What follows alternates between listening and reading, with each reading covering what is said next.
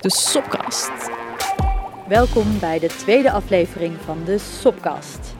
Een podcast met daarin alles wat je altijd al wilde weten over de mensen die ons land schoonhouden. Zoals je misschien kan horen ben ik vandaag niet in de FNV-studio, maar op locatie. Op Schiphol om precies te zijn, waar heel veel schoonmakers dag en nacht werken om vertrekhallen, wc's en eindeloze gangen proper te houden. Nou, als ik zo om me heen kijk terwijl ik hier loop, zie ik zo al twee, drie mensen afruimen, dweilen of poetsen. Maar krijgen die schoonmakers daar ook een beetje fatsoenlijk voor betaald? Vandaag praat ik hier op Schiphol met Delfina over het inkomen van schoonmakers. Dat moet namelijk omhoog, zeggen Delfina en haar collega's in de nieuwste CAO-eisen. Nu zijn er gewoon nog te veel schoonmakers die hard werken, maar niet rond kunnen komen. Die een inkomen hebben, maar hun gezin daar niet van kunnen onderhouden.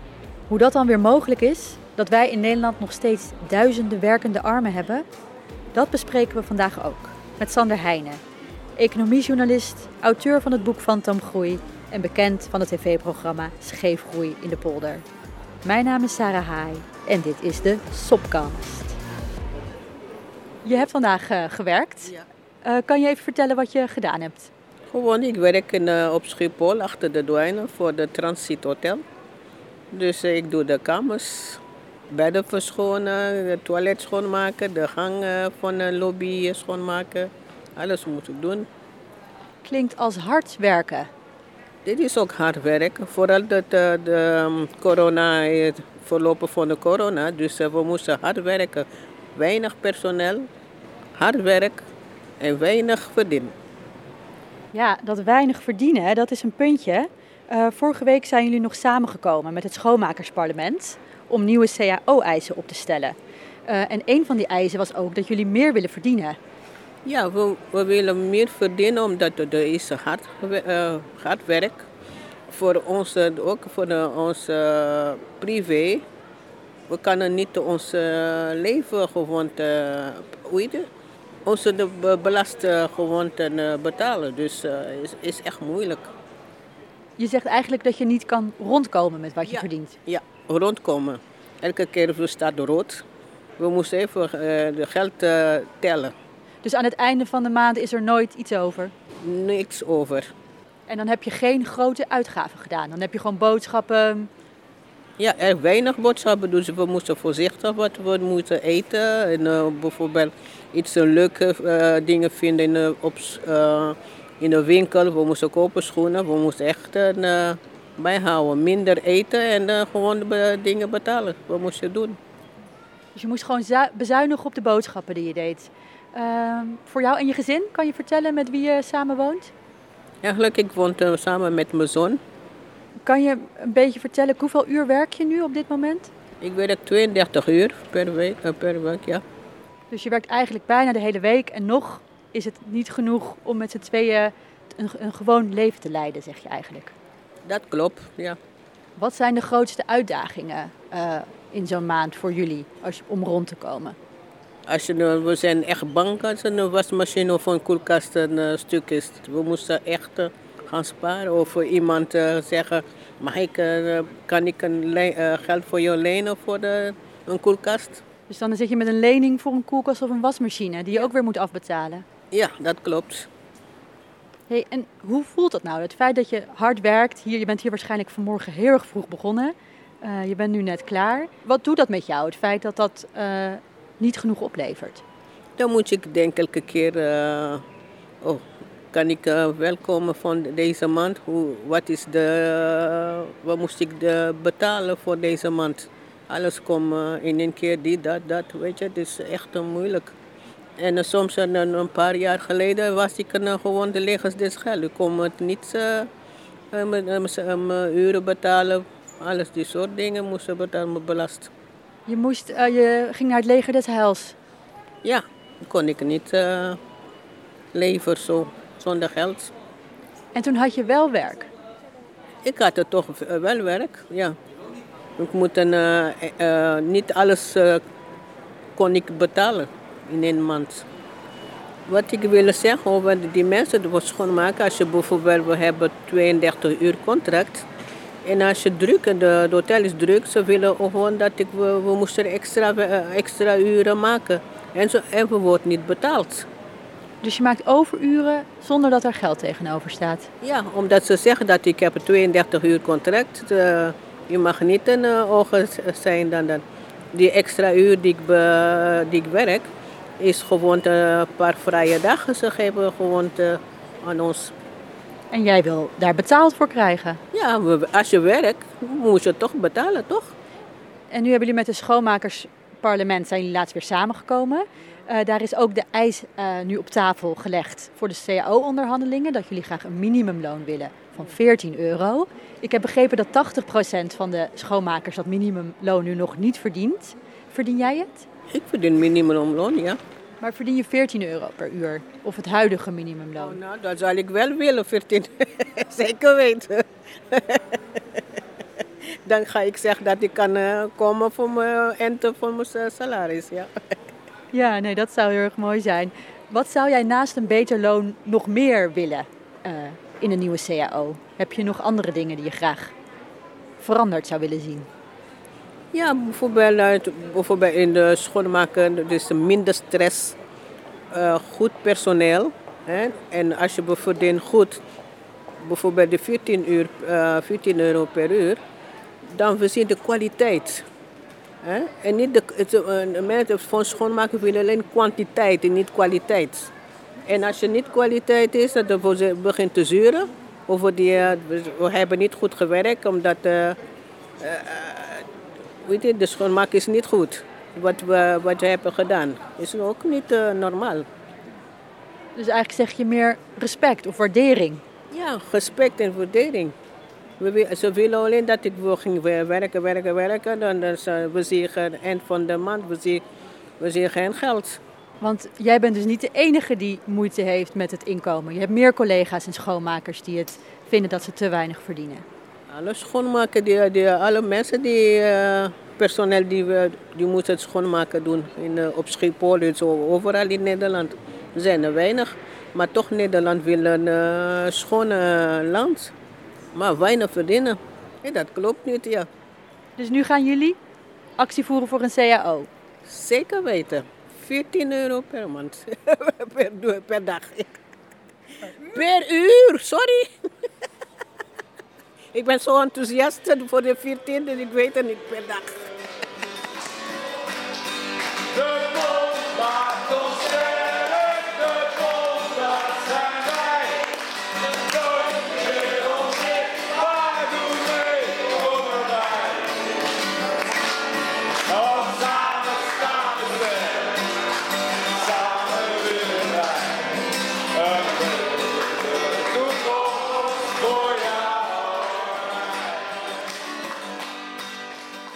Fulltime aan de bak als schoonmaker, maar aan het eind van de maand die eindjes toch niet aan elkaar kunnen knopen.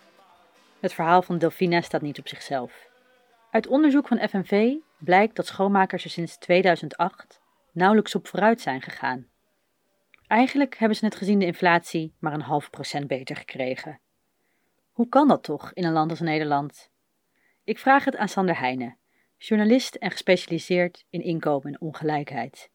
Nou, dag Sander, dankjewel. En fijn uh, dat je mee wil doen. Ja, leuk om hier te zijn. Hey, ik heb je zojuist al geïntroduceerd, maar stel jezelf ook nog een keer voor als je wilt. Ik ben Sander Heijnen, ik ben journalist en historicus en uh, ik heb veel over sociale kwesties geschreven en over uh, ongelijkheid, uh, scheefgroei of fantoomgroei, zoals ik dat noem in het boek dat ik samen met Hendrik Noot heb geschreven. En ik ben hier ongetwijfeld uitgenodigd omdat ik dat boek heb geschreven. Ja, je hebt natuurlijk dat boek geschreven en je hebt ook een programma gemaakt. Ja, dat is waar. Ik heb ook een programma gemaakt. Scheefgroei in de polder op NPO 1, ja. Ja, en ook daar ging het over waar we vandaag over willen praten. Deze aflevering van de Sopkast gaat over inkomen. Ja. Uh, over lage inkomens en over lage lonen. Een onderwerp waar jij dus ook als journalist heel veel mee bezig bent. Zeker. Nu zag, sprak ik eigenlijk voor jou sprak ik met schoonmaakster Delfina. Uh, die vertelde net dat ze in het verleden had ze twee schoonmaakbanen en toch kon ze niet rondkomen. Is dat nou een verhaal wat herkenbaar is voor jou? Ja, helaas wel. Ja, kijk, dat is natuurlijk gewoon de essentie van wat er misgaat. Hè. We, we, hebben, we leven in een liberale samenleving. Hè. Dat was het ideaal. En nou ja, de liberalen zijn uh, zodanig veel aan de macht geweest dat we ook wel kunnen zeggen dat ze hun samenleving uh, dichtbij hebben gebracht. En een van de uitgangspunten daarin is dat iedereen gelijke kansen heeft en dat je hard moet werken, maar dan word je er ook voor beloond. En wat je dus eigenlijk ziet, is dat, dat het wel is gelukt om vrijwel iedereen aan het werk te krijgen. En dan, dat zeg ik even los van de coronacrisis en de lockdowns, want dat heeft natuurlijk wel wat mensen stilgelegd. Maar grosso modo zie je toch wel dat uh, zo'n beetje iedereen aan het werk is. Maar het tweede is dat je dan beloond wordt. Ja, dat is eigenlijk niet gebeurd. En dat is natuurlijk wel een hele grote, uh, hoe zeg je dat? Ja, een groot probleem eigenlijk. Uh, wat we moeten adresseren en moeten blijven adresseren. Want blijkbaar klopt er iets niet in, uh, in het denken dat onder onze samenleving ligt. Nee, want inderdaad, je gaf eerder ook al aan, een keer volgens mij in de Volkskrant, van dat geld, dat is er wel. Bij sommige bedrijven klotst het zelfs nog tegen de plinten. Ook ondanks de crisis, nog altijd. Maar die lonen, daar groeit dat dus niet in mee. Is dat een van die problemen? Ja, dus wat je ziet is dat bedrijven eigenlijk veel winstgevender zijn geworden. Dus als we het vergelijken met de jaar 40, 50 geleden, dan zag je dat uh, bedrijven tegenover iedere euro, of gulden eigenlijk destijds, die ze uitkeerden aan salaris, maakten ze ongeveer 60 cent winst. En inmiddels is die verhouding ongeveer 1 op 1. Hè, dus je ziet dat uh, de, de economie is gegroeid. Je ziet ook dat bedrijven veel winstgevender zijn geworden. En dat niet al die uh, extra winst uh, ten goede komt van de, van de werkenden, van de mensen die die winst daadwerkelijk mogelijk maken. Want je kan natuurlijk alleen maar geld verdienen als bedrijf als je werknemers hebt die werk verzetten. Ja, en je ziet dat die verdeling tussen, tussen het geld dat we als land verdienen, dat die is verschoven. En dat werkenden minder krijgen en aandeelhouders meer. En dat is, dat, dat is een proces dat zich geleidelijk heeft voltrokken. Dus je ziet dat ieder jaar een paar tiende procentpunten uit elkaar gegroeid.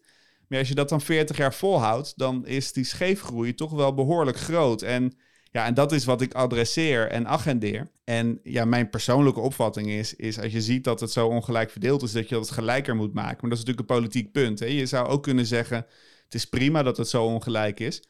Maar opvallend genoeg hoor ik dat eigenlijk bijna niemand zeggen. Dus maar de vraag is, welke stappen gaan we dan zetten om daar wat aan te doen? Ja, daar komen we zo denk ik zeker ook over te spreken. Want nog even over die ongelijkheid. Je kan inderdaad zeggen van goed, dan is dat zo. Maar we hebben het hier, ja volgens mij was er dit, deze week zelfs weer een bericht van de SER dat Nederland kent nu 220.000 mensen die werken, maar toch in armoede leven. En dat er daarnaast dus nog een hele grote groep mensen is die uh, wel meer verdient dan het minimum, maar door alle hoge lasten dus nog steeds niet of nauwelijks rondkomt. Dus dan heb je het niet eigenlijk alleen maar meer over ongelijkheid, dan heb je het zelfs over mensen die in armoede leven. Als jij daarnaar kijkt, van wat, wat heb jij in je boek en in het tv-programma en in je stukken, uh, je samenwerkingen, wat, zijn, wat is denk je een van de belangrijkste oorzaken dan dat dit verhaal wat je net schetst, dat dat zo zich heeft kunnen ontwikkelen? Nou, dat zijn eigenlijk twee verschillende dingen. Hè? Want, want um, enerzijds, je moet altijd kijken naar mensen werken hard en steeds harder.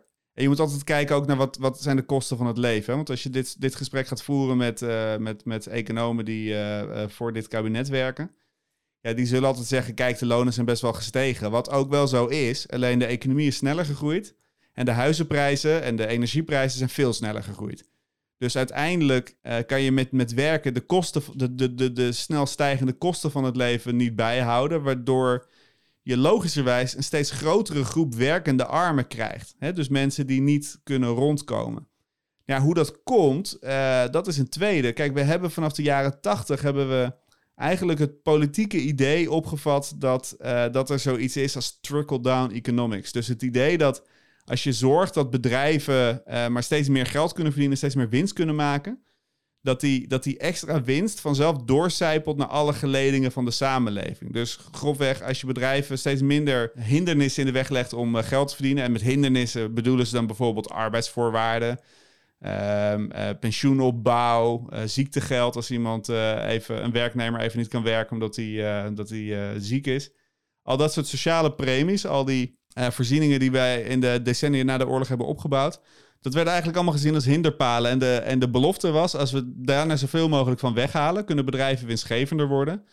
We hebben ook de, de, belastingen voor bedrijven substantieel verlaagd. Kunnen ze ook winstgevender worden.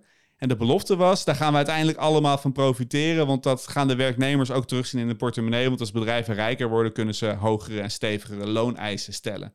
Maar ondertussen is ook die arbeidsmarkt heel erg veranderd. Dus arbeidscontracten zijn steeds verder geflexibiliseerd. En wat je daardoor eigenlijk ziet, is dat, dat werkgevers, bedrijven, die hoeven zich steeds minder te binden aan hun personeel. Dat heeft weer het gevolg dat als mensen steeds weer ergens anders, uh, steeds ergens tijdelijk werken, ze steeds weer onderaan in de schaal beginnen als ze al in de CO worden ingeschaald. En uiteindelijk zie je dat we daardoor een, een economie hebben gecreëerd waarin het wel is gelukt om bedrijven winstgevender te krijgen, maar waarin het niet is gelukt om dat ook te laten doorstromen naar de werkvloer. En ja, dat is een scheefgroei die in ieder geval nooit door enige politieke partij is beloofd dat dat de uitkomst zou zijn.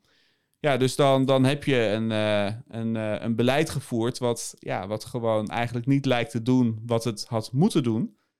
En dat, um, um, ja, dat, dat, dat moet je dus adresseren. En het is uiteindelijk ook wel een naïeve gedachte gebleken, toch? Dat als we maar genoeg gaan creëren van groei, dat het dus vanzelf inderdaad trickle down, dus naar beneden druppelt of anderen zeggen overstroomt, weet je, en vanzelf dan steeds een stapje verder bij iedereen terechtkomt. Die gedachte is naïef gebleven. Ja, naïef. Het, is, dat is voorzichtig geformuleerd. Het is natuurlijk een volstrekt waanidee geweest. Ja, laten we, laten we daar ook niet ingewikkeld over doen. Dus, dus naïef is eigenlijk niet het goede woord. Het is naïef dat we het geloofd hebben. Dat is naïef. Maar de bedenkers daarachter, ik denk niet dat die naïef waren. Maar ik denk dat die een andere agenda hadden. En dat ze die agenda niet konden doorvoeren uh, door te zeggen wij willen zorgen dat uh, de rijken rijker worden en de armen armer. Want dat werkt in de democratie toch niet heel lekker als je het op die manier probeert uh, in de markt te zetten. Of in de politieke markt, zou ik maar zeggen. Nee, nee, nu hebben we gelukkig wel weer wat economen die gaan zeggen waar het op staat. Waaronder dus Sander Heijnen, maar ook internationaal hebben we rockstar-economen, worden ze ook wel genoemd. En heel veel van die nu, namen die nu rondgaan, die zeggen allemaal van hé, hey, zoals nu de verdeling gaat, dat gaat niet. Dat drijft een wig in de samenleving. Sterker nog, en sterker nog, dat hele trickle-down economics is ook helemaal geen economisch concept. Het is een politiek concept. Dus, dus je kan er ook niet aan rekenen. Er is eigenlijk geen serieuze econoom die, daar ooit, die dat ooit heel serieus heeft genomen. Dus het is een politiek idee. En dat is wel belangrijk om dat onderscheid ook te blijven maken. Maar ga verder, want ik onderbrak je. Ja, nee, maar dat is een goed punt. Want het, wat we nu om ons heen zien is wel dat er heel, wat jij ook al eerder aannoemde, uh, aanhaalde, is dat er heel veel wel op die manier is ingericht. Dus dingen zijn flexibeler geworden. Uh, alles is gericht op, uh, ja, we moeten gewoon business is business. En hoe groter die business, hoe beter. In het geval van schoonmaaksector, waar, ja, waar we met deze podcast mee bezig zijn, zie je bijvoorbeeld dat schoonmakers heel vaak bij een plek of een gebouw werken. een contract hebben bij een bedrijf, maar die contracten moeten zich eens in de vijf jaar weer naar een nieuwe aanbieder gaan. En dan worden de schoonmakers eigenlijk met het contract aan de volgende doorverkocht. En dan hebben ze. En dat gaat natuurlijk, ja, en dat gaat natuurlijk vaak naar degene die, weet je, het in zo min mogelijk tijd voor zo min mogelijk geld kan doen. Dus dan heb je weer een nieuwe baas die. Uh, ja, die je nog laat, harder laat werken voor minder geld. Precies, en dan stroom je weer onderaan in de CAO in. dus dan op papier heb je dan misschien een CAO waar je wat stapjes in kan maken. Maar als je dan steeds weer van werkgever wisselt, ook al blijf je hetzelfde werk doen wat je altijd al deed ja, en dat is, en dat is eigenlijk precies het probleem van, ja, van ook weer een kutwoord, met marktmechanisme, wat daarin zit. Het idee van, ja, we worden er beter van als je dat in de vrije markt neerzet. Uiteindelijk zijn het dezelfde schoonmakers die hetzelfde gebouw schoonmaken. En dat doen ze al heel lang. En in die oude tijd, die ik schetste, bijvoorbeeld bij een bedrijf als Philips in de, de jaren 70, ja, daar waren die schoonmakers gewoon in dienst van de, werkge van, van de fabriek dus dat waren collega's van, uh, van de mensen die aan de lopende band stonden. Die waren weer collega's van de mensen die het karton maakten om die producten in te verpakken. En die waren weer collega's van de mensen die die televisies bijvoorbeeld uitvonden. En uiteindelijk, als je allemaal in datzelfde bedrijf zit, dat betekent niet alleen dat er een grotere verbondenheid was onderling. Het maakte ook dat als jij als schoonmaker begon bij dat bedrijf, dat jij stapjes kon maken. Niet alleen binnen, binnen je loongebouw van schoonmaker. Maar je kon misschien opklimmen naar portier en daar naar, naar, naar, de, naar de fabriek. En dan misschien kon je wel opzichter worden. En dan kon je misschien wel een administratieve baan krijgen. Dus je kon ook binnen zo'n bedrijf veel makkelijker een carrière bouwen. En dat ja, door, door alles op te knippen in, uh, in losse contractjes, die dan ook nog eens elke paar jaar opnieuw worden of aanbesteed hou je niet alleen die mensen op een laag inkomen, maar je zet ook alle uh, heel veel kansen die er voorheen waren om van een dubbeltje een kwartje te worden, die zijn afgeschaft. Dat is allemaal bewust politiek beleid geweest. En allemaal ten faveur van de aandeelhouders die daar rijker van zijn geworden. En uh, uh, ja, ten koste van, van werkenden. En zeker van werkenden die minder kansen hebben al bij voorbaat dan bijvoorbeeld weet ik veel, de zoon van een directeur, die, die waarschijnlijk toch wel goed terechtkomt, omdat hij een betere opleiding kan krijgen, met meer geld opgroeit enzovoort. En een van de ideeën nu vinden nu weer nieuwe CAO-onderhandelingen plaats. De schoonmakers hebben zich verenigd in een schoonmakersparlement.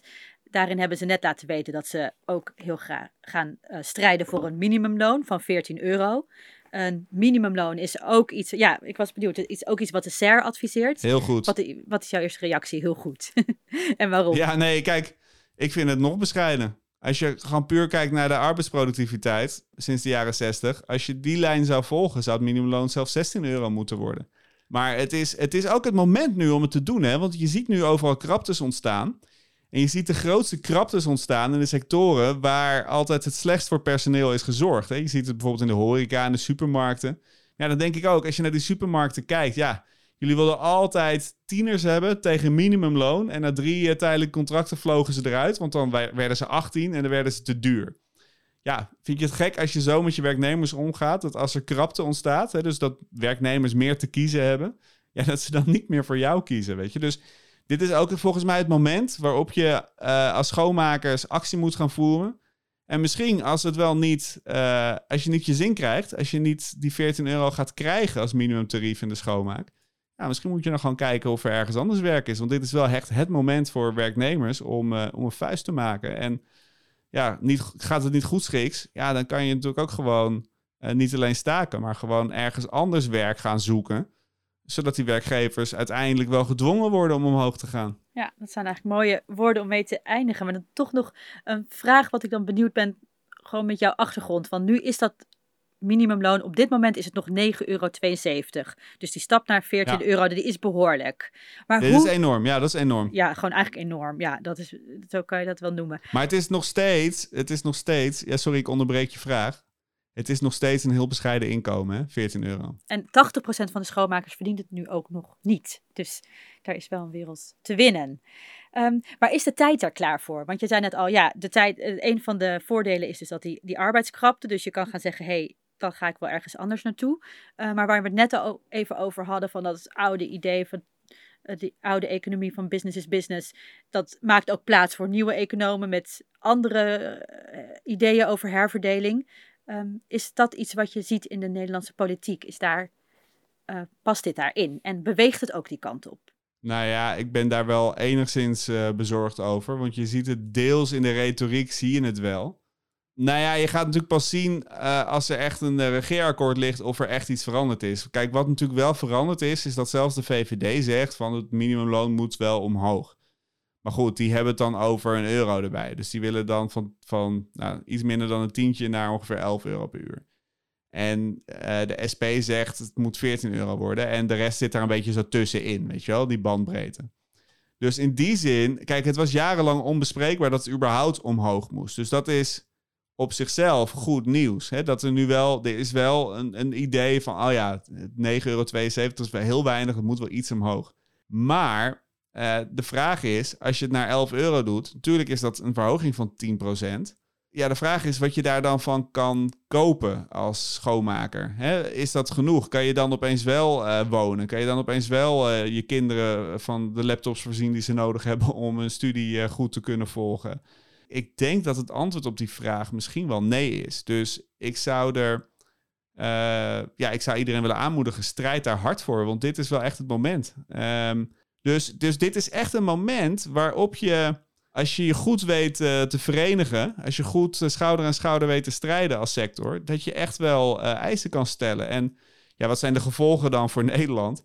Ja, uiteindelijk, um, de kosten van schoonmaak gaan omhoog. net zoals de kosten misschien in de supermarkt iets omhoog moeten. En dan is het de vraag of de consument dat uiteindelijk gaat betalen. Of dat de winstmarge van een supermarkt misschien wel iets omlaag kan. En dat zijn hele winstgevende bedrijven. Dus linksom of rechtsom moet iemand dat betalen. Maar dat is niet de verantwoordelijkheid of de, uh, iets waar de schoonmaker zichzelf zorgen over hoeft te maken. Want je ziet dat zij in de verdeling van het geld. En we zijn een van de rijkste landen ter wereld. En we zijn nog nooit zo rijk geweest als nu. Dus, dus, dus uiteindelijk is het natuurlijk niet dat de schoonmakers moeten zeggen van... Nou ja, wij kunnen eigenlijk niet rondkomen van het salaris wat we krijgen. Maar oh jee, het is zo zielig als iemand anders dan dat moet betalen. Nee, als je iemand wilt inhuren om voor je te werken... ja, dan kost dat gewoon geld. En als diegene meer geld daarvoor wilt, ja, we hebben geen slavernij. Dus dan zou je daar toch of meer voor moeten betalen, of je moet op zoek naar een ander. Maar ja, die ander is nu niet zo makkelijk te vinden. Dus dit is het moment. Dit is echt het moment om, uh, om uh, actie te voeren en om stevig te onderhandelen. Oké, okay. nou, schoonmakers grijpt die kans. Uh, zegen van Sander Heijnen, begrijp ik, ja.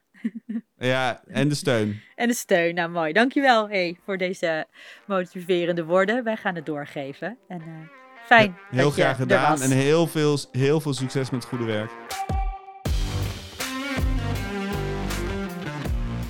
Dat was hem dan weer, de tweede aflevering van de Sopcast. Dank voor het luisteren en tot snel.